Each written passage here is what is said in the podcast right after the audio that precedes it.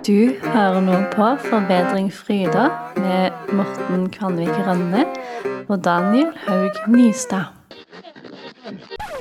Velkommen til Forbedring Frydi, en podkast for deg som har lyst til å forbedre deg, særlig hvis du kanskje har litt kreative prosjekter. Det er i hvert fall noe av det vi skal snakke om. Jeg heter Daniel, og med meg har jeg Morten Kvanvik Rønne. Det vil nok være kjent for eh, lytterne våre. Det som eh, det kanskje er litt eh, undrende til, er at vi har brukt lang tid på å få ut en ny episode. Vi har rett og slett hatt litt tekniske utfordringer. Vil du si litt om det, Morten? Vil du si litt om at lyd, lyd Det var ikke mer lydolje igjen, rett og slett? Altså, det var ikke mulig å oppdrive lydolje som en følge av covid- og Kina-produksjonen. Så Det var rett og slett tomt for lydolje. Både lydolje og lydkardang var liksom helt Så umulig å få tak i. motoren, eh, motoren skar seg rett og slett eh, veldig eh, for oss. Så, og jeg følte jo på en måte at vi var i veldig siget med den forrige episoden, og da kom det bonusepisode og alt. Vi hadde til og med utgående reporteropptak. Ja, vi hadde det. Ja, og det var veldig god driv internt i gjengen. Ja, Men I produksjonen ja, I produksjonen så var det god stemning. I redaksjonen så var det god stemning. Men så var det det at det ikke var så god stemning på min, eh, min iMac fra 2013. Eh, Den bestemte seg for, og har jo egentlig gjort det et halvt års tid, å ha det litt vanskelig.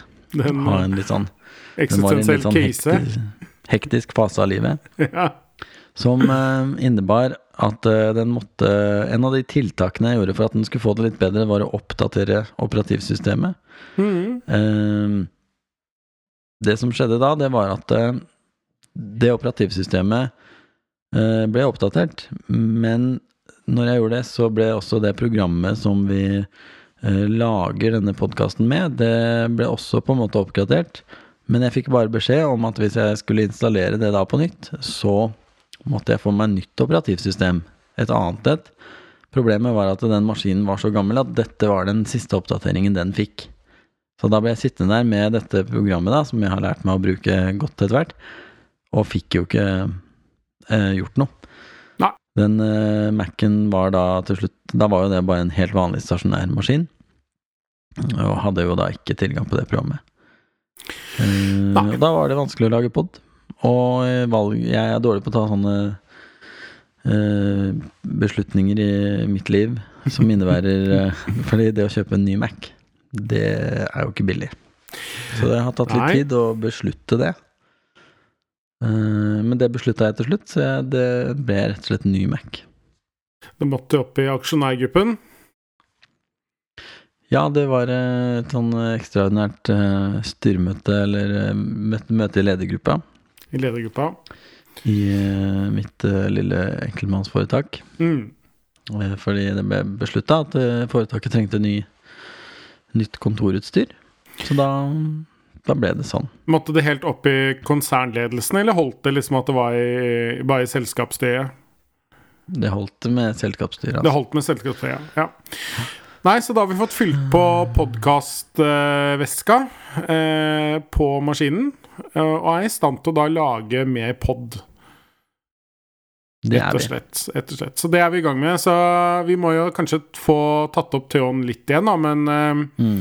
nå har vi jo mange faste, trofaste lyttere som også har vært litt på oss, eh, både via elektroniske kommunikasjonsmidler, men også i rett og slett fysisk format eh, i helgen. Så fikk jeg, fikk jeg vil si, kalle det påpakk for en av lytterne våre om at vi ikke hadde laget episode. Og derfor så passa det veldig bra at vi nå har fått løst den tekniske utfordringen som gjør at vi kan lage episoder. Ja. Så det er bra. Nei, det er fint. Ja, det er viktig det at folk kommer med litt påpakk av og til. Påpakk er nødvendig i livet generelt. Eh, påpakk, det er et rart ord. Påpakk. Han fikk påpakning. For pålegg er noe annet. Det er noe annet. Det tror jeg vi har snakka om i poden før. Ja, for pålegg er sånn politi, politiet mens påpakning det er noe du får fra Diunta.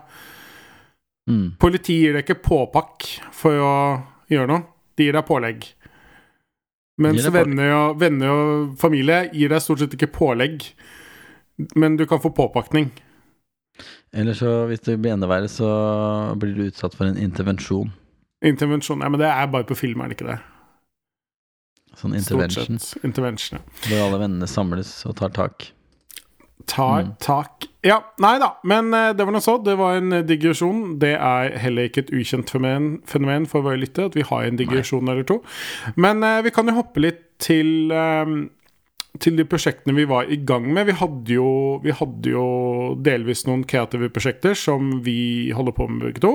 Og så hadde vi noen kanskje litt mer sånn eh, det vi starta med, som går på litt sånn selvutvikling, selvforbedring, et eller annet i den retningen, hva man vil kalle det. Type prosjekt eller utfordringer som vi også tok tak i. Så vi kan kanskje begynne litt med Eller hvilken ende skal vi begynne i? Skal vi begynne med den praktiske detoxen din, kanskje?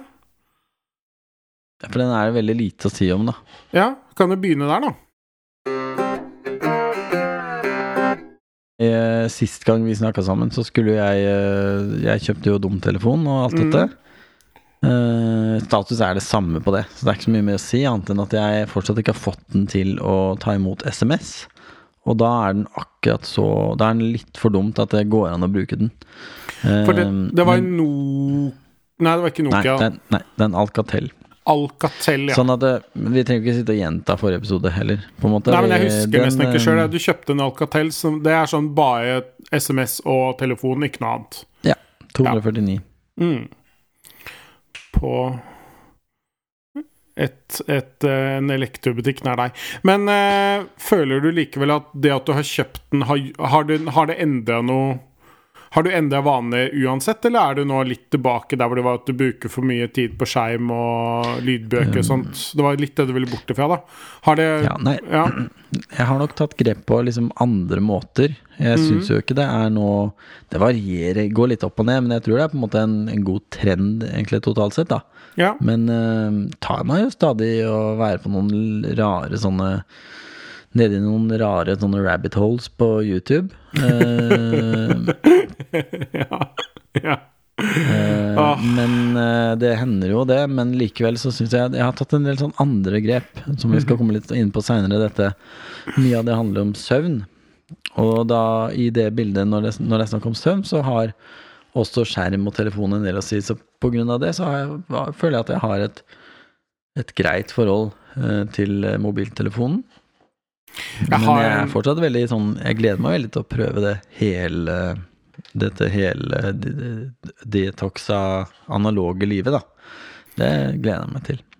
Jeg har en anekdote fra i morges om akkurat det med søvn og rabbit holes på telefon. Men jeg tenker, kan ikke du Det kan jo lytterne få lov til å vente litt med å høre min, min eh, lille fortelling der. Fordi at det andre du sa, det var jo det med søvn. Det har jo du og jeg snakka mye om eh, utenfor redaksjonsmøtene. Eh, for du har gjort litt greier deg også. Kan du si litt om eh, Du har jo blant annet på deg noe som får deg til å se litt sånn ut som en litt sånn billig ja-klovn. Eh, nå ser jeg ikke lytterne det, da, men du har noe på nesa di, rett og slett. Som gjør at du ser litt, eh, litt funky Ja. ut. Hva er det? Eh, Det er det jeg også kommer til å anbefale når vi kommer til, eh, til eh, spalten eh, anbefalinger. Ja. Eh, Det er eh, Det er snorkeplaster. ja. Og det er relatert til dette med søvn, eh, fordi jeg snorker jo mye. Ja, og da har jeg da kjøpt dette plasteret, for jeg var på jakt etter tiltak på den fronten. Og et tiltak var jo da, som vi har vært inne på, å kutte telefonen og sånn. Et annet har vært dette plasteret, og så er det i tillegg til det selvfølgelig med nesespray, som også handler om det. Det siste nye på den fronten gjorde jeg nå i ettermiddag, det kan jeg komme litt inn på etter hvert. Mm. Men dette er snorkeplaster som eh, du tar over nese, nesa, og som da liksom løfter opp uh, nesa, Mm. sånn at luftveiene blir frie, og du kan mm. puste med nesa. Og det henger også sammen med det vi har nevnt noen ganger, som vi aldri har kommet til å prate om, dette med pusting. Med riktig pusteteknikk. Mm. Føler du at det funker? Eh. Har det, hjulpet, har det hjulpet nå så langt, eller? Vet du hva, det er, det, er det er en grunn til at jeg sitter, på med, jeg sitter med det med en gang jeg kommer hjem, så tar jeg det på. Ja. Fordi det er det å, Jeg har et sånt nesesystem som er helt pottetett uansett hele tiden. Så det er så innmari Det er som første gangen i livet jeg har fri luftvei gjennom nesa. Mm. Så jeg puster med det eh, stadig oftere. Så det mm, Det har vært, eh, som eh, man skjønner, så har eh, mitt liv handla en del om å ta tak i søvnproblemer. Mm. Som sånn gradvis kom snikende. Sånn i april-mai tror jeg det begynte. Så har det bare gått opp for meg at når vi nå kom ut på høsten, at herregud, jeg har jo ikke sovet egentlig skikkelig lenge nok og dypt nok siden ja, kanskje april-mai i fjor, da. Nei, nei, nei, i år, men i april-mai. Mm. Så da var det sånn behov for å gjøre noe med det. Og da snorking var én ting. Både fordi at når man snorker, så sover man jo dårlig, men man blir også vekt av kona si eh, fordi man snorker. Og det var sånn Jeg hadde et sånn raseriutbrudd på en natt her, fordi at da ble jeg liksom først eh, vekt man, Da hadde jeg en sånn Jeg hadde endelig sovna sånn veldig Jeg var på vei inn i en veldig sånn god søvn. Mm. Blir først den natta vekt av kona mi. Så sovna jeg igjen etter det, og så blir jeg vekt ikke bare én gang, men to ganger av eh, dattera mi som kommer inn og vil sove hos oss. Mm. Eh, og til slutt så er det bikkje, og det er, ja, det er liksom bare Det er mye Ja, da, da bare sånn Når det går sånn over lang tid, så skjønner du at du, du må gjøre noe, da. For det med Ja. søvn er eh, veldig viktig, og du merker det jo veldig. Men nå, pga. de tiltakene jeg har iverksatt, så er det på vei oppover. Men du kutta siste... jo ut litt andre ting òg. Ja. Nei, jeg har jo roa veldig ned kaffen også. Hatt periode sånn noen dager, to, tre, fire dager her og der, hvor jeg går litt uten, og så drikker jeg bare en. Mye, mye mindre, da. Og det også har utrolig mye å si. I tillegg så går jeg turer på kveldene. Mm. Eh, I mye større grad enn jeg kanskje har gjort på en stund. Så det, alt det der har virkelig hatt effekt. Og så har du da det siste tiltaket som jeg nevnte, som jeg har gjort i dag. Som jeg ikke har prøvd ennå, for det er på vei, jeg har bestilt. Det er sånn vektdyne. Ok, hva er det for noe? Det er en dyne som har sånne Sydd inn i stoffet sitt, så er det sånne glasskuler. Eller sånne, ja, sånne vektkuler. Som gjør at dyna veier mye. Den veier ni kilo, den jeg kjøpte. Ja, det er litt Og poenget med den er at den da skal legge deg Og du, det skal også ha en visstnok dokumentert effekt på søvn, i forhold til at du blir rolig av å på en måte bli holdt rundt, eller bli holdt nede. Hm. Av en tung dyne. Så det var på tilbud. Det er sånn Black Week på Kid Interiør. Eh, Så det var halv pris, og det koster vanligvis eh, godt over tusenlappen. Eh, Men nå fikk vi hver vår, da, for 500 og noe. Men det er, det er selve dyna, det er ikke liksom Ja, det er selve dyna, liksom? Det er ikke dynetekke. Jeg vet ikke, det var et veldig dumt Nei, nei, spørsmål. nei det, ja. det er en Se for deg en sånn tynn dyne, og så Ja. inni det vattstoffet eller whatever der, så er det liksom sydd inn Jeg, tror, jeg har ikke kjent Noe på den sjøl engang, men det er noe vekt i hvert fall som gjør at Mm. de er tunge. Du kan få de mer tyngre enn 9 kilo også, men det som var på, det som var på tilbud nå, da var 5, 7 og 9 kilo, og da valgte vi eh, den tyngste utgaven, da. Men så kult, da. Men ok, det, så da er det jo ganske mange forskjellige ting, og du syns det har hatt en effekt. Er det sånn at du Ja. Ja, hvor mye sover du natt nå, da, liksom? Sånn På liksom gjeng, gjengs eh, Det høres ikke så mye ut når jeg skal si det, men det er liksom en endring, da. Jeg tror jeg skal sjekke her på Fitbiten, da. I natt hadde jeg 6 timer 14, for eksempel. Det høres ikke så mye Ja. ut, men eh, det er liksom en forbedring, altså. Men det er aktiv søvn, da. Ikke sant? For det er jo noe med at man Ja. Man sover jo ikke hvis man, hvis man tenker at man sover åtte timer, så har man kanskje egentlig bare sovet seks av dem, fordi man er våken uten Ja. å få det med seg. Hvis Ikke man legger seg ti og står opp seks, så har du ikke sovet åtte timer. Da har du kanskje sovet seks og en Mm. halv, da. Ikke sant? Uh, nei, altså det er en forbedring opp fra en periode her. Hvis jeg spoler liksom tilbake i noen eh, uker her nå, da, så ser du liksom en uke For eksempel eh, Nå bare blei jeg et sted. Si 26. september til 2. oktober, da, så var det en natt hvor det var sånn 5 timer og 18, 3 timer og 54, og så var det en natt hvor det var 59 minutter.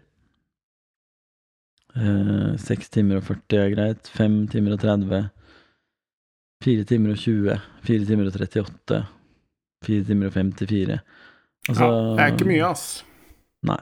2 timer og 2, 2 timer og 21 minutt. Ja, det er Hadde noen sånne helt jævlige netter, ikke sant? ja. Det er jo dagen. Da er det jo bare å komme seg gjennom dagen, ikke sant. Altså sånn, Da får man ikke gjort noe. Ja. Da er du ikke Du er ikke menneske den Nei, dagen. det er sånn bare det, det er de, de greiene det er helt uaktuelt. Og da, for å si sånn relatert til det vi holder på med, da, med forbedring av vaner og prosjekter, og det å det det har handla mye om for vår del, er jo det å få energioverskudd og tid til å Mm. gjøre de andre tingene. Alltid den tid vi har en ordinær jobb ved siden av. Og det, når du ikke sover, så kan du bare glemme de tingene. Og når Mm. du ikke sover, så får du et ekstremt ustabilt blodsukker som gjør at du, du craver snop, og du Mm. craver potetgull. Eh, når du spiser da potetgull og snop på kvelden, så har du drithøyt puls når du skal legge deg, så du får ikke sove, og så er du så trøtt at du må drikke jækla mye kaffe dagen etterpå. Det er en sånn enorm sånn negativ spiral som kommer Ja. i gang. Men nå er jeg på vei eh, ut av den, da. Og jeg vil jo si at alle disse tingene er jo da Det vil si at jeg opplever å ha tidenes eh, høst på prosjektene på tross av dette, da. Mm. Ikke sant? Altså, det har jo sånn sett vært en høst som En høst med schwung. Eh, ja, Selv da med masse søvnproblemer. det kan man jo absolutt si. Eller så kan man si kanskje det har vært søvnproblemer pga. at det er en høst med schwung. Ja. Jeg vet ikke. Det, jeg, har, jeg har vel spurt litt eh, eller sagt det litt, altså. For det kan jo være veldig Det er jo lett å tenke at man ikke får sove fordi at man går og grubler på noe som er negativt på et vis. Da, at man har litt sånn at det, er noe, altså det, det kjenner man på en måte igjen når alle har vært der, om det er på jobben eller privatlivet, så har man liksom ligget oppe og kjent på et eller annet. Men for min del så vet jeg også at det kan vel så mye være positive ting. At man rett og slett er gira. Sånn som de, Nå har jeg hatt noen langhelger da, siden jeg jobber litt redusert i høst, og har brukt de til mine prosjekter. Jeg merker at jeg sover mindre de helgene fordi at jeg er litt sånn Jeg er litt som en unge på julaften, liksom. Jeg er så klar for å liksom starte på de greiene. da At man har en sånn positiv energi i kroppen som også kan holde deg våken. Absolutt. Jeg kjenner igjen det. Gå og gruble på liksom hvordan skal jeg løse det. Men kan jeg komme med min lille, med, med min lille anekdote om eh, søvn og digitale Mm. Ja. For jeg eh, Jeg sleit litt med å sove i natt, faktisk. Jeg har en eh, Det var en kombinasjon av at jeg har en eh, radiator på rommet mitt som er, som er litt sånn livlig av seg. Eh, og i tillegg så prøver, Eller på grunn av det så prøver jeg også å sove med sånne Soveo eh, Sånne øyeplugger.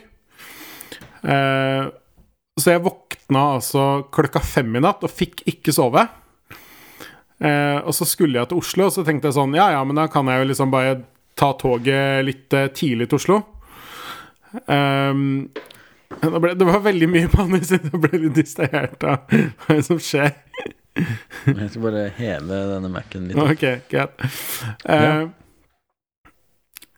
Nei, så jeg våkna, jeg våkna klokka fem i natt, og så fikk jeg ikke sove. Eh, og så tenkte jeg ja, men samme det, da tar jeg bare toget, eh, toget tidlig til Oslo, så kan det være tidlig på jobb. Men så skulle jeg liksom, når jeg får jo våkne, da, så skal jeg liksom inn og sjekke litt NRK og sånne ting. Og så av en eller annen grunn så bare liksom tenkte jeg sånn Hvor lenge var egentlig Jan P. Syse statsminister? Det spørsmålet kom til meg klokken fem i natt. Eh, så da måtte jeg inn på Wikipedia og sjekke, da. Og det var ikke fryktelig lenge. Han var statsminister i omtrent akkurat et år. Ett år i en måned. Fra oktober 89 eh, til eh, november 90, eh, hvis jeg ikke husker helt feil. Eh, Og så ble jeg liksom flippende rundt inne på Wikipedia da, og leste litt om Nobelkomiteen. Og, og så var slo slått meg sånn Hvorfor sitter jeg klokka fem om natta og leser om Jan P. Syse på Wikipedia? Eh, det er jo ikke akkurat veldig rasjonell eh, handling.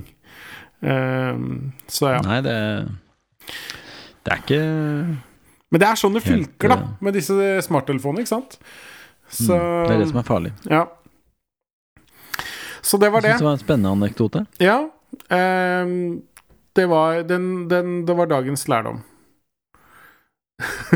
Hva, hva var lærdommen? Å ikke lese mye Jan P. Syse klokka fem om natta. At det er, det er veldig lite hensiktsmessig. Det tror jeg Jan P. Syse ville vært enig i. Som en god høyremann. Så ville han sikkert at man brukte tiden mer produktivt. Er det gode høyremenn syns? Ja, jeg føler det. Eh, Jeg leste litt om Bede Bø og tenkte at han er en mann som forsvant litt. Hvor er han i dag? Det fant jeg ikke ut Ja, hvordan kom du på det? Nei, Er det apropos Høyremenn? Jeg vet ikke. Vet, ja, ja, det var via liksom Han var vel nestleder i Høie, ikke sant? Og så Det er sånn. Ervik på Wikipedia. Og så var det sånn «Eh, Han er et sånt navn som en gang i tiden var et sånt alle man visste hvem var, liksom. Og så plutselig bare forsvant han i min verden, da. Og så tenkte jeg sånn Hva gjør, gjør egentlig Bedebø i dag? Det fant jeg ikke ut av. Men eh, han gjør sikkert noe fornuftig. Vil du si litt om de kreative prosjektene de siste ukene og ja, måneden, halvannet, eller hva det har vært? Det kan jeg gjøre, Daniel. Det innebærer Egentlig så har det blitt en sånn eh, Det ruller og går, det der originalmusikkprosjektet. Mm. Det kommer noe nytt hver måned. Har gjort det denne høsten, og de, Eller de siste tre månedene, da. Eh, særlig den som kommer nå om to dager på fredag, den 26. november, er jeg spesielt stolt av. Den har jeg gjort eh, i studio, og låter så det Ja, den låter veldig bra. Ja. Eh, og så er det sånn at den fjerde låta skulle komme da i desember. Men den har også blitt påvirka av den tekniske utfordringen med at en Mac-en røyk, og dette programmet ikke fungerte lenger. Så der eh, har jeg blitt satt tilbake i hvert fall en måned i produktivitet. ja. Der jeg egentlig skulle spilt inn den fjerde og holdt på med den hjemme, så har jeg ikke fått gjort det. Så den, nå som jeg da har kjøpt en ny Mac denne uka, så er jo det førstepri nå. Å få det opp og gå igjen, og få spilt inn den siste låta, miksa den og gjort den ferdig. Sånn at den kan komme ut eh, ikke så veldig forsinka forhåpentligvis, men kanskje da i Januar. Januar, januar. Ja. Januar-februar, kanskje Mm. til og med. Ja. Dessverre. Eh, men ellers så eh, Driven er den samme, og innser jo Jeg har vært inne på det litt tidligere, at dette med markedsføring har vel ikke Det har jeg ikke truffet dere blink på. Jeg har ikke liksom egentlig gjort noe markedsføring i det hele tatt. Um, fordi at målet først og fremst var å få gjennomført noe, få det ut. Så tenker jeg på ett plan at eh, det alltid skal markedsføres i tiden etterpå. Mm. Men eh, det er klart at man skulle benytta det momentumet. Men eh, man kan ikke få det perfekt med en gang heller. Jeg har aldri gitt ut eh, EP før, jeg. Så et sted må man jo begynne. Men har du tenkt Eller du, snakka litt om på et tidspunkt at du egentlig kanskje ville ta mye av den markedsbiten, eller hva man skal kalle det, da, markedsføringa, i forbindelse med at du, at du slapp hele EP-en, på en måte? Er det Og sånn sett så er det jo ikke toget Toget har ikke Neida. gått. Nei, men man skal liksom Clouet i dag er liksom det der singelskipet skal være liksom eh, Du skal promotere for hvert singelslipp og trykke på, og du skal få masse Du skal ha Jeg har ikke engang åpna en page ikke sant, på Facebook. Jeg har ikke gjort noen ting. Nei. Men det er klart at jeg fortsatt kan gjøre noen ting rundt slippet i seinere, da. Ja, det er jo det som er litt utfordrende, da. Det der med at man må Man må på en måte veie litt av alt, på en måte. Um, og det Jeg har jo hørt en del på en uh, podkast, jeg tror muligens jeg har nevnt den for deg en gang tidlig i løpet av disse stykkene. Eh, en podkast som heter The Story Grid, som, eh, som snakker litt Ja. om det. Men det kan vi ta når jeg kommer til meg, da. Men det er jo noe med det der at man må Ja, man må være liksom litt av alt i dag, da. Det er ikke noe så mye gratis lenger, på en måte. Nei, det er Eller det. Er- gratis, da, men sånn. Og så er det um, eh, For å si det sånn, det, blir jo, jeg har jo blitt litt påvirka av at jeg på min ordinære jobb har sagt opp jobben min, Og fått ny, da, må man vel si. og fått en ny. Ja, det henger sammen. Ja. Det, det henger litt sammen, da. Ja. Sånn, altså, det har vært store endringer eh, og stor aktivitet på den fronten, som har påvirka litt rann også, da, så jeg kan si det. Men ja, man er ikke et helt team, og man eh, ja, får ikke brukt eh, all tid på dette, da. Sånn at det, det gjenstår Ja, man ble satt litt tilbake av de tekniske tingene, og da mister man også sånn motet en, en stund, kjente jeg. Når jeg Mm. bare sånn Yes, nå har jeg fått den til å fungere igjen. Og så nei, da funka det ikke. Da går det ikke an å gjøre noen ting, da. Nå, så jeg vurderte å måtte lære meg nytt program, eller Og det kjente jeg at jeg bare orka ikke å begynne å tenke på at skulle lære meg Pro Tools eller Cubase eller eh, noen andre sånne ting. Det er liksom logic jeg har brukt nå syv-åtte år på å lære meg. Ehm, ja, så det prosjektet går. Og så er det da dette andre prosjektet med å ha spillejobber og spille kjente sanger om igjen. Det går også ganske bra, altså. Det ruller på med oppdrag, eh, både her og der. Eh, så det, og det er jeg veldig fornøyd med. Ja. Både fordi at det er Jeg har oppdaga at det er gøy igjen. Mm. Det var jo en stund når jeg holdt på veldig veldig aktivt at jeg begynte å kjenne litt på at jeg var litt lei av det. Men nå Ja. syns jeg det er veldig gøy igjen. Og uh, får en del sånn hatt en Og skal ha en jobb til også som er litt sånn litt sånn um, seminaraktige, på en måte. Sånn uh, kortere jobber hvor du, jeg kan velge litt mer sjøl hva slags låter jeg spiller og sånn.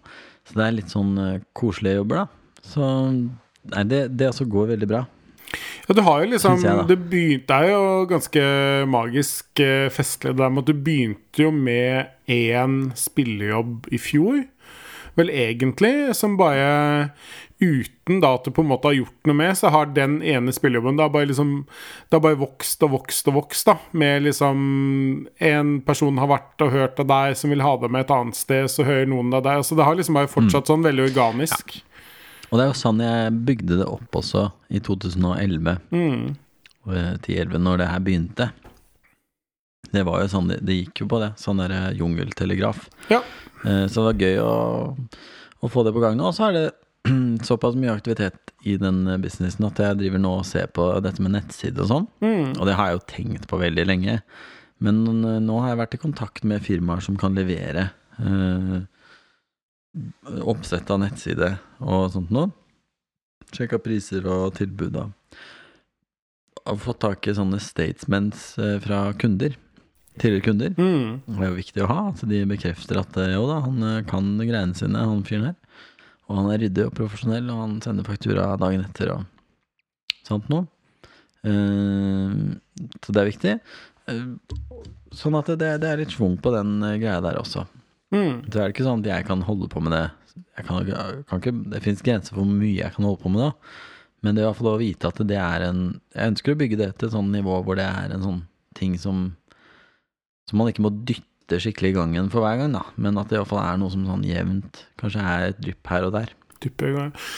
Men det er veldig Så, kult, da. mm. Så det er jo egentlig generelt ganske Det er jo egentlig vært en ganske heftig bra høst generelt. Uh, Ja, er det. litt sånn minus uh, Minus uh, akkurat det med den Mac-en, da. Ja, men det er jo litt det er jo Ja. Det er jo litt fascinerende også, fordi at uh, en fyr vi har snakka om før, som heter Steven Pressfield, en uh, forfatter, amerikansk forfatter, og litt sånn kreativ guru, tror jeg nesten jeg vil kalle han. Han, uh, han har jo en del sånne konsepter. Jeg vet ikke om jeg liksom ja, han, er sin, han er litt sin spesielle måte å se verden på, da, sin teori, men han mener jo at dette er sånt som skjer når man har et prosjekt som er på vei til å gjøre noe bra. At det er rett og slett et bra prosjekt. Um, så vil man særlig mot slutten, når man nesten er i mål, så skal man oppleve at noe går litt skikkelig gærent. Han sier jo når du nesten er ferdig med et prosjekt, bør du ikke kjøre bil, har han sagt. liksom sånn For da, mm. da er det noe som skjer, da. Og det tenkte jeg på når din Mac liksom knekker altså omtrent bare akkurat det du er på vei til å gjøre deg helt ferdig med EP-en. Mm. Og da hadde den jo liksom hangla litt i et halvt år, og da, Ja, ja. da skjedde det han sier, da, the belly of the beast. Da bare kollapser det. Eh, og det den dør, liksom. Hele Mac-en bare bye bye. Den blir ubrukelig for meg, da. Ja. Iallfall. Den er sånn halvveis i livet nedi Ja, samme det. Det er helt riktig, og det trekker jo han Han er jo litt sånn smååndelig av seg rundt disse tingene. At det er mus og sånt noe. The resistance. Mm, At det er, når, når sånne ting går gærent, så er det rett og slett denne kraften, den negative kraften, resistance, som er Som trekker i oss, og som prøver å gjøre det jækla vanskelig å fullføre ting. Så jeg er litt sånn stolt nå at jeg tok denne beslutningen, og har nå liksom maskineriet opp og gå igjen. Mm. Nå gjelder det faktisk bare å em, Å sette seg ned og gjøre det, da. Mm. Og så man er tilbake til den vanlige resistansen, da. nå er ikke den tekniske resistansen, men, eller motstanden, men nå er det rett og slett det å tidsmessig og p- ja, bare få satt seg ned og spilt inn. Demoen er ferdig og Mm. klar, og den har jo du hørt på den låta. Mm. Vil du si litt om hvordan du har Du har jo på en måte Akkurat den sangen har du jo prøvd å få ut i verden på en litt annen måte enn tidligere. Eller med de to andre. Å ja, oh ja, du tenker på Home? Ja. The girl still smiles to the troubled kid. I wanna go home with you. I wanna go home. Å ja, nå tenker jeg på den fjerde låta. Den Nei, som du har nå, hørt demoen av. nå tenker jeg på den du skal slippe på Den som kommer om to dager, som da heter Home. Home. Ja. Ja. Ja, den, der har jeg gutsa litt, uten at det, det kan ikke si at det er gutsing, for det, alle gjør det, tror jeg, og ytterst få kommer gjennom. Men eh, det er jo sånn at eh, NRK sine musikkprodusenter møtes hver mandag til et musikkmøte klokka tolv, og da er det sånn at de, de lytter på absolutt all musikk de har fått tilsendt, i to minutter. Mm. Uh, og hvis det er godt nok, så kommer det på radio. Så jeg har sendt det dit, iallfall. ja, det er kult, da. Ja, ja. Det er jo Det er. Jo, det er jo noe med å ha noe man for det første liksom kan sende fra seg uten at om de liker det eller ikke, det er noe så, men at det er liksom Du vet at kvalitetsmessig så er det der at det er noe de, de kommer til å vurdere seriøst. Og så om det Mm. passer med profilen eller ikke, det er noe så, liksom. Men ja. ja. Nei, det er i hvert fall en artig følelse at noen med peiling sitter og hører på det. Og det var jo, vet var jo noen som sa at det hørte hjemme deg. Som ikke Ja, var deg eller meg. Nei, nei, nei. Sånn at uh, Det er kult. Og jeg mener, ja, jeg syns jo den låter bra, jeg, altså. Mm. Så det det er spennende, men det er klart at det er akkurat de tingene der man må gjøre litt mer av. Jeg tror man må kanskje insistere enda litt mer enn det jeg driver med nå. Men jeg har ikke tid eller kapasitet til å drive og insistere så veldig mye heller. Kanskje noen ville sikkert oppsøkt uh, Bare dette med live-ting er jo en utfordring. Ja. Eh, det er masse open mics og sånne ting. Men eh, ja. Nei, men uansett, det har vi snakka om mye før. Mm. Nei, så mine prosjekter går bra. Det har vært jobbskifte som har krevd mye tid. Det er søvnproblematikk som er hovedfokus på sånn eh, På vanedannings... Eller på vanefronten så er det søvn som har vært og kommer sikkert til å være fremover òg. En sånn fokus. Ja, Um, det, det skjer ting utenom pod nå, kan vi si. så Rett og slett. Rett og slett. Ja. Så jeg syns det var en grei sånn runde på mine ting, jeg, før vi går videre på deg og de vanlige spaltene før vi avslutter eh, om en liten stund. Mm. Vil du introdusere meg, da, eller? Eller spørre meg? Jeg kan nå introdusere deg. Da skal vi over til eh, eh, mann med det Jernvasken. gylne skjegg Nei. Jeg bare sitter og ser på kamerabildet av deg og bare sånn Hva, hva skal jeg si nå? Ja. Mann med den gigantiske mikrofonen foran fjeset. ja. Nei da. Det er uh, min uh, partner in crime uh, på podiefronten. Det ble veldig mange beatediksjoner. Det ble veldig festlig. Mann som ler av nesten hva det skulle være. Daniel Haug Nystad, hvordan går det med deg og dine prosjekter? Redegjør grei ut. Jo, nå så jeg her i Moskva, og Putin har akkurat lagt fram Nei, øh, han har sikkert Lagt fram dette begrepet som handler om Ja. Eh, Utenrikskorrespondentstemmen. Uh, Odd Karsten Tveit. Odd Karsten Tveit fra Kreta på fylla dag nummer fire. Ja, de hadde sikkert noen av de òg. Eh, men Direkte fra fengselet i Qatar. Ja, a meg. Uh, ja, der er det ikke hyggelig å eie. Uh, Nei, eh, dårlig stemning. Dårlig stemning. Hashtag dårlig stemning i Qatar.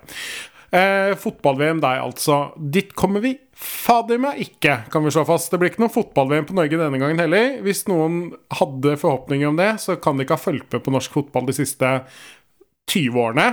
Eh, så til alle dere som ble skuffa, skjerp dere. Dette er ikke overraskende.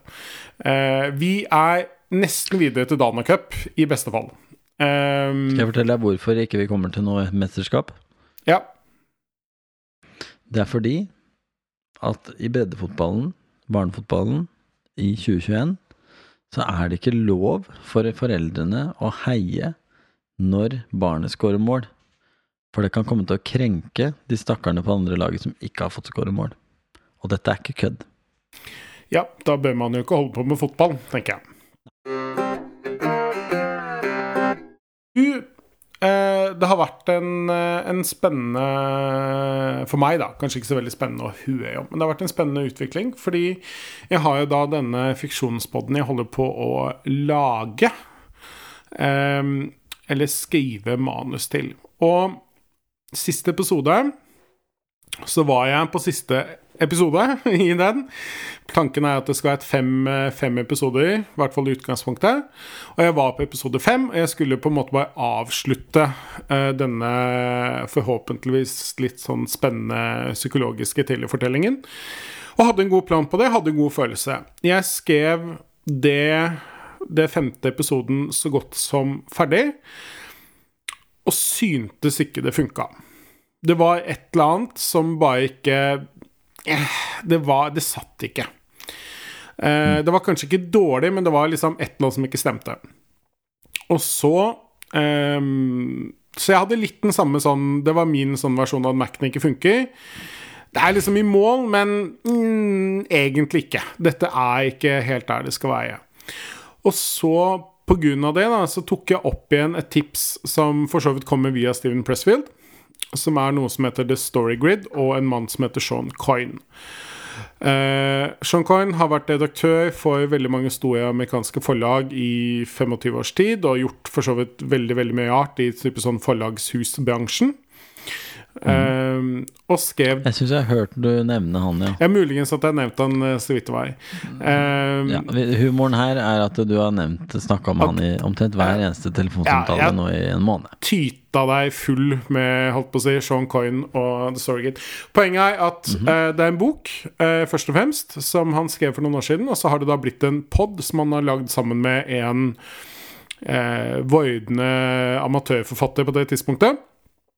Um, og jeg har lest en del bøker om det å skrive, om det med struktur. Jeg har, tror jeg har vært pløya med gjennom alle klassikerne på det feltet der. Og litt sånne akademiske bøker. Da er det jo litt mer enn bare Ja, det er ganske mange forskjellige bøker, og for så vidt fått mye ut av det.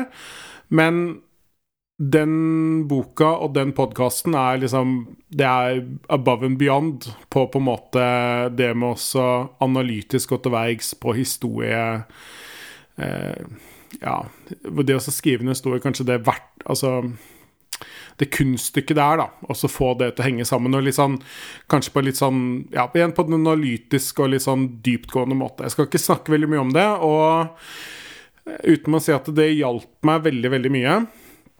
Både til å innse at det jeg hadde prøvd på, ikke funka. Og jeg skjønte også ganske mye om hvorfor det ikke funka, og at jeg rett og slett måtte bare kaste det over bord. Kaste det på båten, som de sier, eh, og begynne på nytt. Så da var det noen uker med litt sånn kreativ økenvandring. Eh, før jeg da, egentlig nå i helgen, greide også å lande en ny løsning, da. Og det er jo det som er litt fascinerende med at du starter, i hvert fall i mitt tilfelle denne gangen, da, så er det sånn at jeg starter med en idé, jeg har på en måte en tydelig eh, plan for hvem som er med i historien, hvem som har de forskjellige rollene. Jeg vet, en, vet Jeg hadde på en måte siste setningen klar. Hadde på en måte en veldig god plan, og så begynner man å skrive på det. Og så først oppdager jeg at nei, det kan ikke være de rollene til de ulike personene. Jeg må basically bare bytte morder. Dette her stemmer jo ikke i det hele tatt. Og så er jeg fornøyd med det, og så går jeg videre, og så avslutter jeg det. Og så sier jeg nei, denne avslutningen funker heller ikke. Det må bli en annen avslutning. Så forstår jeg deg rett sånn at du, had, du hadde på en måte nesten historien din ferdig, og så har du da kommet borti dette verktøyet The Story Grid eh, gjennom en bok og en sånn pod, og på en måte Du har jo brukt veldig mye tid på det, og fått forståelse Du har på en måte mer enn du har fått en mye bedre forståelse av oppbygningen av en fortelling, og basert på at du da oppdaga på en måte Når du har fått litt mer et sånt uh, kart, da, så så du at terrenget liksom i din fortelling ikke funka i tråd med de prinsippene du lærte der. Ja, egentlig litt så var det litt motsatt. Jeg, jeg skjønte at det ikke funka. Den siste episoden ikke funka. Som gjør at ingenting i historien egentlig funka. Altså, for det er sånn Løsningen er jo løsningen. Um, men jeg skjønte ikke det så godt hvorfor det ikke funka, før jeg gravde meg ned i The Story. Da. Det var derfor jeg på en måte tok opp det. For jeg tenkte sånn, ja. at her er det noe som ikke stemmer. Du visste at det ikke funka, du visste bare ikke helt hva, og så har du på en måte lært mer av det nå, da. Ja, og du kan si at det, det de snakker om der, er ikke Og det sier Sean Coyne gjentatte ganger, så det er ikke det at han har kommet på noe veldig nytt. eh, For dette er eldgamle teknikker og ting som ligger der. Det er, og det er mange som har forska på det akademisk også før han, men han, han føler jeg har greid også å koke det ned i en litt sånn mer tilgjengelig og mer ja, hva skal jeg si, kanskje litt mer sånn praktisk format. da. Han har gått litt bort ifra den sånn nesten sånn sosialantropologiske versjonen som dette begynte med. Hva er heltens reise? Hva, hva, hva betyr disse mytene, som vi egentlig veldig mange historiene våre handler ut? Til på en måte handle litt Altså på en måte dra det litt ned til hva, hva er det som gjør en god historie god, da. Så, så jeg har Jeg har brukt veldig mye tid på den boka, jeg har brukt veldig mye tid på den podkasten. Jeg vil si at hvis du har lyst til, og, og litt sånn på alvor har lyst til å skrive noe selv, om det er en TV-serie, en film, manus eller en historie, så bør du absolutt sjekke ut både boka og den uh, podden som heter The Story Grid. Hvis du ikke har tenkt til det, så vil jeg anbefale deg aktivt å ikke høre på den. Rett og slett. For, Er det fordi det er så nerdete og teknisk, eh, liksom? ja, for det første tror jeg du kommer til å synes det er ganske kjedelig, for det er, dette er ikke underholdning. Dette er ikke en underholdningspodkast. Det andre er at jeg tror faktisk det er litt ødeleggende å se så mye bak sceneteppet. Det blir sånn at du aldri kan lese en bok igjen uten å analysere. Nei, det er noen ting bør man bare kjenne Altså, det er litt sånn du vil ikke vite helt hvordan de lager pølsene. Du vil bare spise pølsene. Eh, Men hvis du er interessert i å lage pølser, altså lage historier, så er dette above and beyond, liksom. Uh, veldig bra. Så, men det er veldig kult, da. Så nå har, jeg, nå har jeg laget en ny plan for den femte episoden. Og jeg bestemte meg for en stund siden at jeg skulle bite meg liksom fast i det å så få lagd et godt manus og ha en god historie før jeg gikk videre med alle disse tekniske tingene. For jeg var på vei til å grave meg litt inn i de og på en måte nesten stoppe litt opp i den på en måte del to av den prosessen, og det skjønte jeg at det egentlig ikke var så lurt. Det er bedre for meg å bare få dette manuset ferdig. Og så er det en annen ting som er veldig kult og litt fint å høre, er jo For jeg har jo tenkt sånn jeg begynte på den, det manuset en gang i ja, mai-juni rundt der en eller annen gang.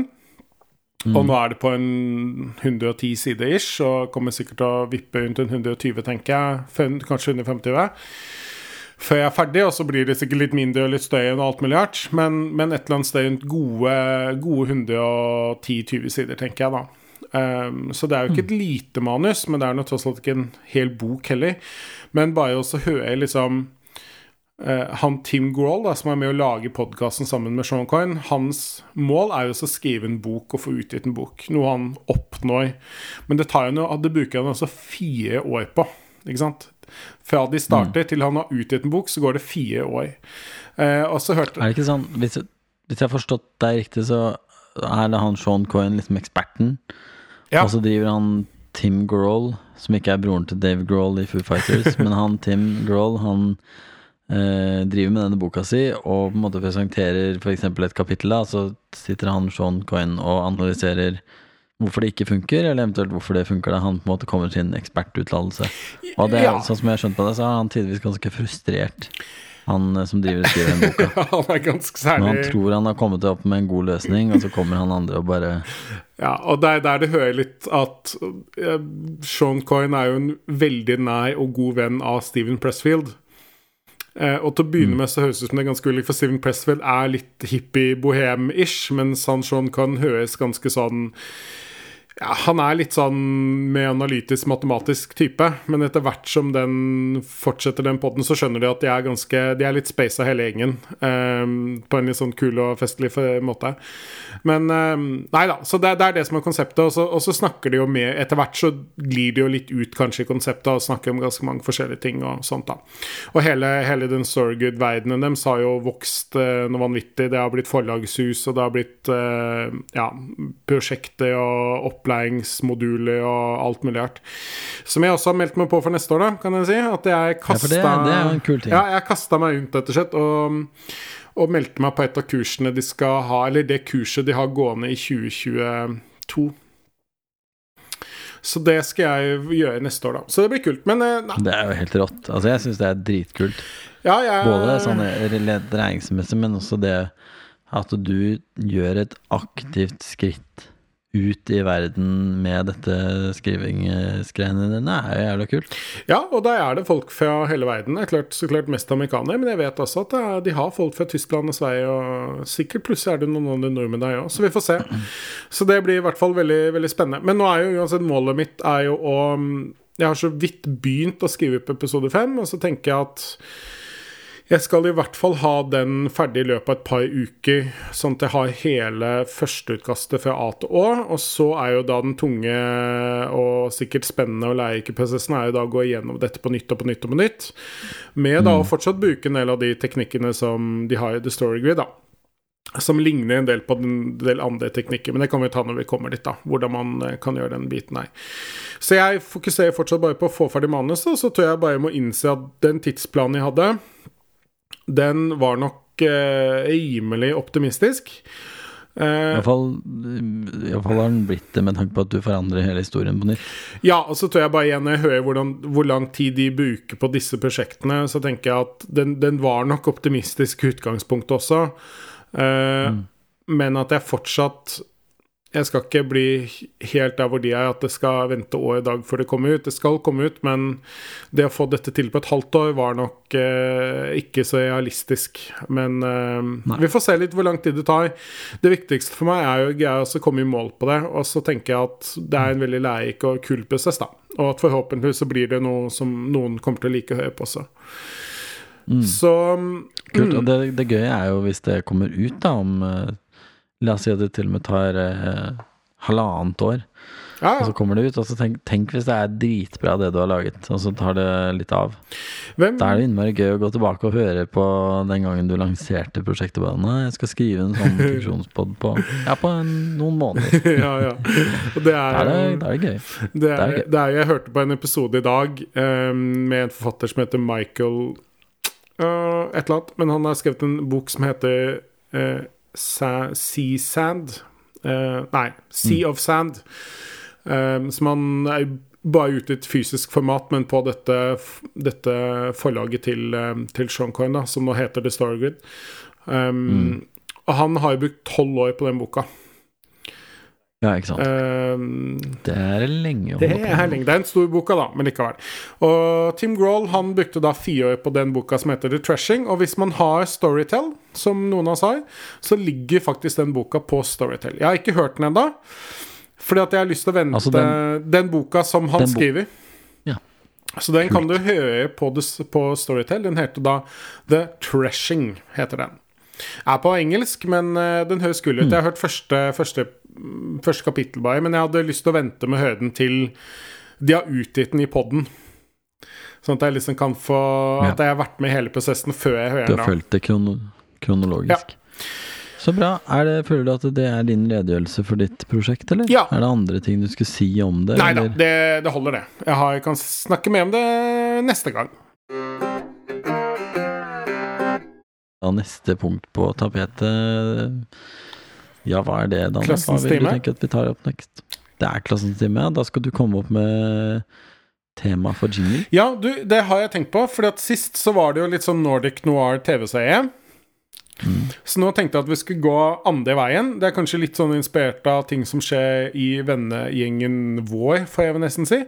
Uh, så jeg tenkte at du skulle få lov til å lage en Klassens time som er litt sånn uh, Margrethe Munthe, Torbjørn Egner-aktig barnevise. Tenk litt Ja. sånn Bamsefars fødselsdag, Klassens time. Riktig. Ikke sant? Litt sånn, litt sånn Ikke sånn moderne barnesang, men litt sånn Torbjørn Egner-barnesang. Her er det bare å innrømme med en gang.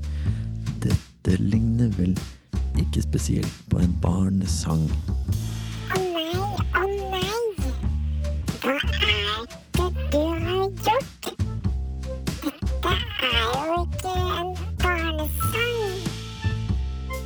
Ja, ja, ja, ja, jeg bare fikk ikke det, det ble bare sånn som det her nå, så det får bare være sånn. Er ikke, er ikke det greit, da? Nei, for dette er jo mer Tom Way. Har du et tips?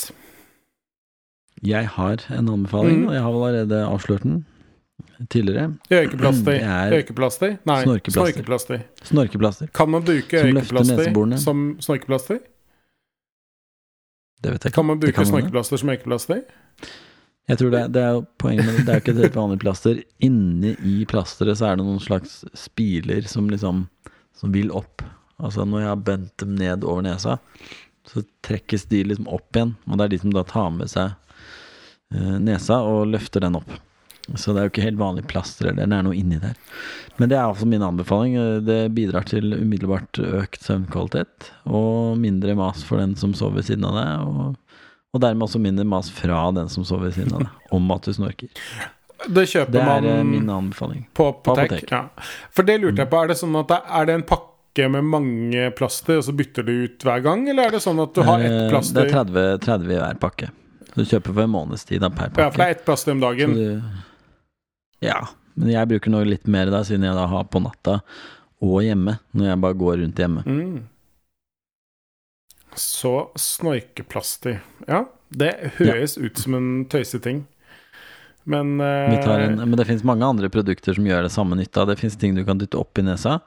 Det er en norsk eh, fyr som heter um, Asgeirsson. Bjørn, jeg tror han heter Bjørn Asgeirsson. En komiker. Han har faktisk laga et produkt som heter Snorky, okay. som er det samme. Okay. Ja, men du, du putter det oppi, og så åpner det opp neseborene. Ja. Det er også mye av det samme. Men uh, jeg har bare prøvd dette foreløpig, og det funker veldig bra. Kombinert med en sånn antisnorkespray. da. Ja. Men det funker dritbra. Kult. Og det er- dette, dette er lyden av at jeg puster med nesa, Hørte ingenting. ikke sant? Det Det er veldig bra. Vanligvis så er det liksom Kan vi ikke få en uh, lydklipp på hvordan det vanligvis høres ut når du snorker? sånn Altså ikke snorking, da, men sånn her er det vanligvis. Det er helt tett. Hvis, Altså sånn hvis noen nå tenkte at det hørtes ut som Morten var eh, At Morten hadde alvorlige problemer, så var det et opptak av en hund. det Ok. Din anbefaling? Det er bare beklagende gjespinga. Ja. Du, min anbefaling er på et litt annet eh, plan. Det er en film. Eh, Det er en veldig kjent film, men som jeg ikke hadde sett før. Den heter 'Trollmannen fra Os'. eh, Og er en fargefilm fra 1939. Som er veldig, veldig kjent. eh, som jeg ikke hadde sett. Men det var en, eh, en anbefaling fra The Story Grid. At det er et eksempel på en veldig velfortalt historie. Som har Ja. Følger den klassiske heltens reise nesten til punkt og prikke. Um, så jeg tenkte at det er kult, den skal jeg se. Så den så jeg over middagen her i dag. Og jeg ble rett og slett bare utrolig imponert over hvor sinnssykt bra den filmen er. Også sånn teknisk, med tanke på altså Jeg har sett en del gamle filmer fra 30-tallet. Eh, for det er en interesse jeg har, da. Men den er, den er virkelig god, altså. Jeg skjønner at den har blitt en klassiker, for den var eh, både teknisk og alt mulig utrolig velspilt. Og det er klart, uh, Judy Garland er veldig er en, var en utrolig god skuespiller, og det ser man jo der. At hun, hun også fortjener sin legendestatus, med god gud. hun da? Ja, hun er død for mange, mange mange år siden. Så det er moren til Liza oh, wow. Minnelli. For den er en veldig gammel film. Ja, 1939. Ja, du sa 39. Ja. Ja, ja, ja. ja. Så det er bare Det- litt sånn koselig vi snakka- det er den vi snakka om her om dagen, var det ikke det? Du snakka om en gammel film du hadde Jo. sett, og så sa jeg å ja. Jeg syns det var så fascinerende å tenke på at samtidig som noen invaderte Polen, så drev noen og lagde en film. Det stemmer. At liksom det, det kan eksistere i samme verden. Så det var jo denne. Ja, og den er, den er kjempe, kjempekul. Um, kanskje ikke alt som er like Hva skal jeg si Holder moderne standard, men igjen, da, hvis man, hvis man ser samme, filmer fra samme tidsperiode, så er, det, så er det veldig annerledes. Så er det litt kult, for at de bruker jo dette med svart-hvitt og fargefilm aktivt. Altså når hun er i den vanlige verden, da, så, bruk, så er jo det farget Nei, så er det filmet i svart-hvitt, men når hun kommer til Os, da, så er det plutselig fargefilm. Og da er det jo Eh, De har jo dratt på enda mer med fargene enn det som egentlig er historien. da Så de har brukt det veldig aktivt. Og ja, nei, rett og slett bare en veldig søt, fin, ja, eh, fin film. Veldig kul film. Eh, og en Hvor kultklassiker, da. finner man den? Var det på YouTube? Nei, liksom? nei, det var Jeg husker ikke om det var Netflix eller HBO, men det er en av de. Jeg tror det var HBO. Ja. Ok. Så veldig verdt å se. Det var mitt, uh, mitt tips. Og det er jo der um, Det er jo Ja. 'Somewhere Over The Rainbow' er jo liksom den mest kjente sangen derfra. Mm. Så Eh, Er det ikke noe dette? Spennende Spennende anbefaling. Det var en ny. Altså klassiske filmer. Ja, ja jeg har noen andre òg. Ja, men den var kul. Mm. Jeg hadde, vi snakka litt i planleggingsfasen av denne episoden om et sitat eh, og et ord som vi Jeg kan ta sitatet, og du kan ta ordet. Mm. Jeg hadde et sitat som jeg syntes var litt artig, da. Men med fare for å Det kan høres litt ut som en sånn Sånn eh, sitat som blir delt på Facebook på en sånn solnedgang. Så det er en fare med det, da. Ja. Men i den konteksten jeg hørte det sitatet, som var sånn kreativitet og lykkes med ting og på en måte ref noen av de tingene vi snakker mye om, da, så var det altså et sitat som på engelsk lyder som følger. Um, ja. ja, det er veldig bra sitat. Ja. Jeg føler det sier mye. Life shrinks or expands in proportion to one's courage. Livet minker eller utvider seg Altså? i forhold til ens mot. Det er helt riktig. Ja. Jeg syns det var litt sånn um, Det er fint. Det er jaggu sant. At hvis man liksom bare har veldig mye eh, lite mot, da, uh, og kanskje mye frykt, så blir det veldig trangt og lite i skallet sitt. Mens har man mye mot, så jo større liksom blir det, eller flere fronter kan man liksom uh, bevege seg ut mot, da. Men jeg syns det var treffende. Med fare, da, som sagt, for at det høres ut som en sånn noe du har sett på Facebook som delte av din eh, gamle tante på på 60.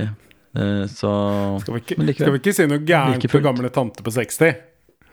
De har Ikke begynn, eh, ikke begynn tantedebatten. Den, den raser på jobb for tiden. Ah, ja, skjønner du. ok. Tantedebatten. For de har kommet i skade for å drive og si at Nei, vet du hva, det der syns jeg er tantete. Ja.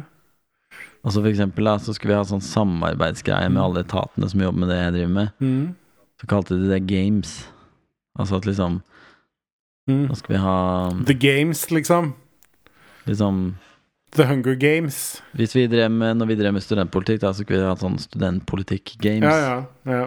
Jeg skjønner. Ikke sant? Sekkeløp og posekast og den type ting.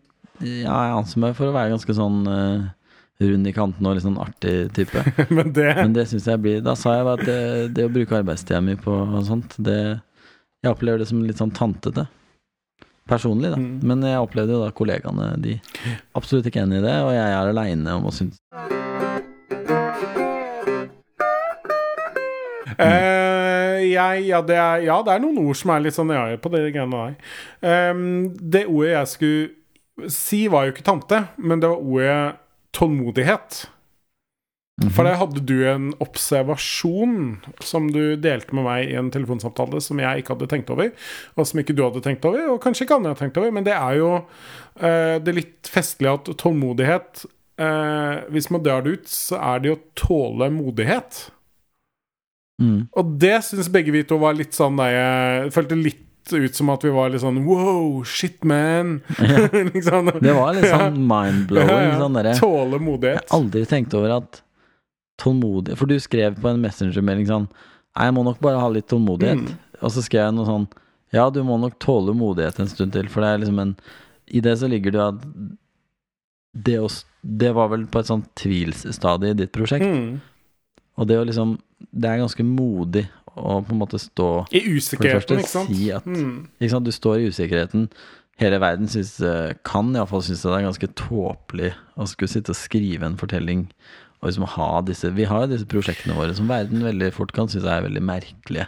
Ja. Og det å liksom Å ikke lykkes med det, stå og streve med det og holde på med det, høre på Storygrid og hente inspirasjon og Det er å være modig, da, Mm. mener jeg, da. Og ref det sitatet jeg akkurat kom med, ikke sant. Det er å være modig og velge å si til verden at jeg har noe greier som jeg syns kanskje dere skal høre på, Mm. eller Vurdering. eh, Det er modighet, og det at det der tar tid og er vanskelig, da må du tåle den modigheten. Mm. Det er ikke bare et øyeblikk av modighet, så er det over. Du må liksom stå i det lenge, da. Jeg synes, fader meg, det var Jeg har aldri tenkt over at det er det tålmodighet er. At du må tåle modighet over tid. Det er nesten sånn at hvis vi det noen gang skal um, rebrande denne podden litt, som vi jo har snakket om på bakken, så kanskje den skal hete Tålemodighetspodden. Ja. Eller blir det Er det over sånn der kjøkkenmagnetverden igjen, kanskje? Men eh, jeg syns i hvert fall det var veldig kult, da. Jeg syns det var bra sagt. Jeg liker liksom ikke at podder heter podden. Nei, jeg er enig i det. Det blir litt sånn Synes det blir sånn Alt det heter liksom bare Hvis du driver med flaskepost, så heter det Flaskepostpodden. Flaskepostpodden er kjempebra. Mm. ja.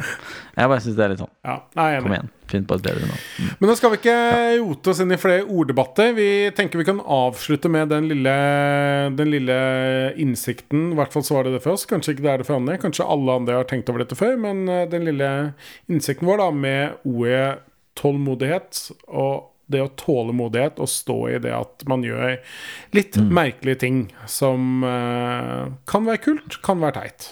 Og det er helt ok. Det kan være begge deler. Da. Ja, med all sannsynlighet så er det begge deler. Alt ettersom hvem man spør. Som så mye annet er i livet. Det er liksom bare sånn det er det. Ja. Mm. Sånn er det. All right. Vi prekes? Det gjør vi. Du hører nå på Forbedring Fryda med Morten Kvanvik Rønne og Daniel Haug Nystad.